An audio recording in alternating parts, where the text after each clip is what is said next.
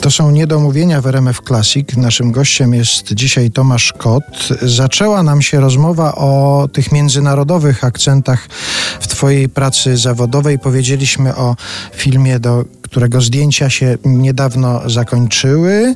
I ja chciałem Cię zapytać, bo Ty parę razy w różnych wywiadach mówiłeś o tym, że to zimna wojna spowodowała, że Ci się otworzyły drzwi do Tak, tak. światowego filmu i zauważasz, że to nadal działa, czy to dopiero się rozkręca? Jak to działanie zimnej wojny wygląda teraz? Jakby to spędziłem w zeszłym roku trzy miesiące w Los Angeles i tam się bardzo wiele nauczyłem, przede wszystkim innego świata, trochę innych reguł i tak dalej. I tam mam świetnego agenta i czuję się bardzo bezpiecznie, jeśli chodzi o tamten świat. Tam usłyszałem wprost bardzo brutalnie, że ta legenda, że jesteś kelnerem i potem robisz karierę, to jest jak w zasadzie wygrana w totka. I ta wygrana w totka napędza po prostu inne kupony.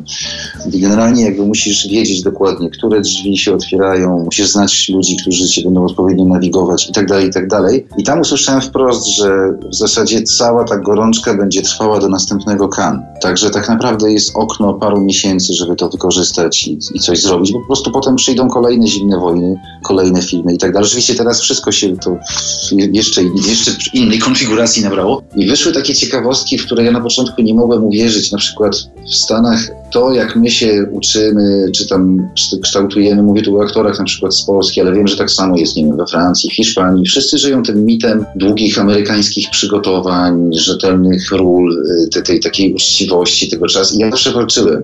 Nawet jak produkcja nie oferowała warunków, to sobie sami robiłem. Muszę tu bardziej poświęcić czas na to, tego nie wiem, więc muszę się bardziej dowiedzieć. Tam usłyszałem, że to już to jest mit, że to robi może 10-15 osób y, z, samej, z samego szczytu, ale cała reszta żyje w pośpiechu i nie ma czasu na przygotowania. Generalnie jakby tam dużo się zmieniło. Ja, ja, ja też nie wiedziałem i kontekst zimnej wojny w tym przypadku jest taki, że pytano mnie o przygotowania, ponieważ wszyscy wiedzieli, że przygotowywaliśmy się więcej niż 6 miesięcy, więc pewien bardzo znany producent, jak ze mną rozmawiał, to mówi, to jest moje marzenie, człowieku, o Jezus Maria, opowiadaj jeszcze. I co, i miałeś z pianistą i spotykałeś się, to, to, to niewiarygodne, naprawdę ciężko w to uwierzyć, mi było na początku, a potem jakby już, już zrozumiałem, że jest jakoś tak dziwnie.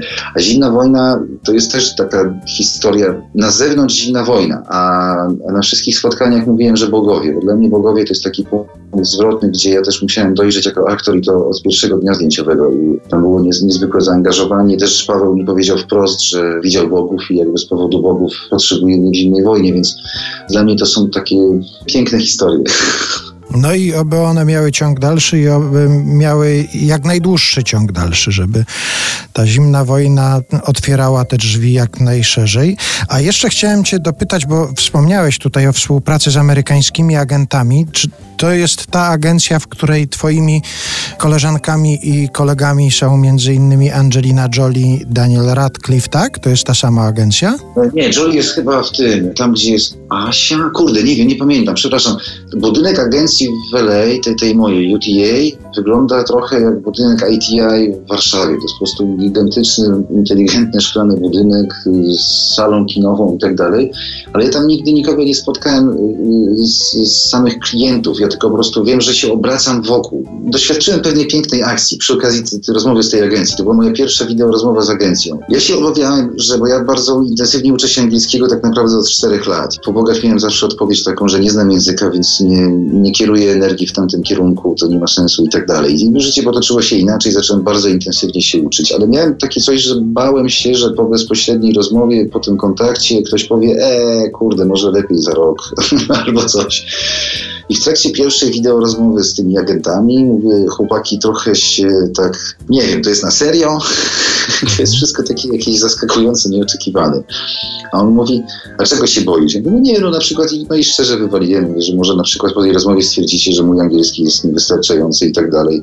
On mówi, nie, nie, nie, myśmy cię obserwowali, kiedy pracowałeś dla BBC. I to odbieram jako wielki osobisty sukces i tu leży największa satysfakcja, że nie pojawiła mi się ani przez chwilę taka myśl, kurde, jakbym wiedział, to bym coś tam więcej zrobił. Ja po prostu pracowałem bardzo uczciwie i codziennie wracałem do hotelu skonany, taki ledwo żywy, bo to był bardzo ciężki plan. I po, jak oni mi to powiedzieli, że jest okej, okay, za miesiąc przylatujesz, działamy, to pomyślałem sobie, kurde, wow, to jest dobre. Czasami człowiek chce tak pójść na skróty, coś oszukać, ale ta uczciwość się opłaca po prostu.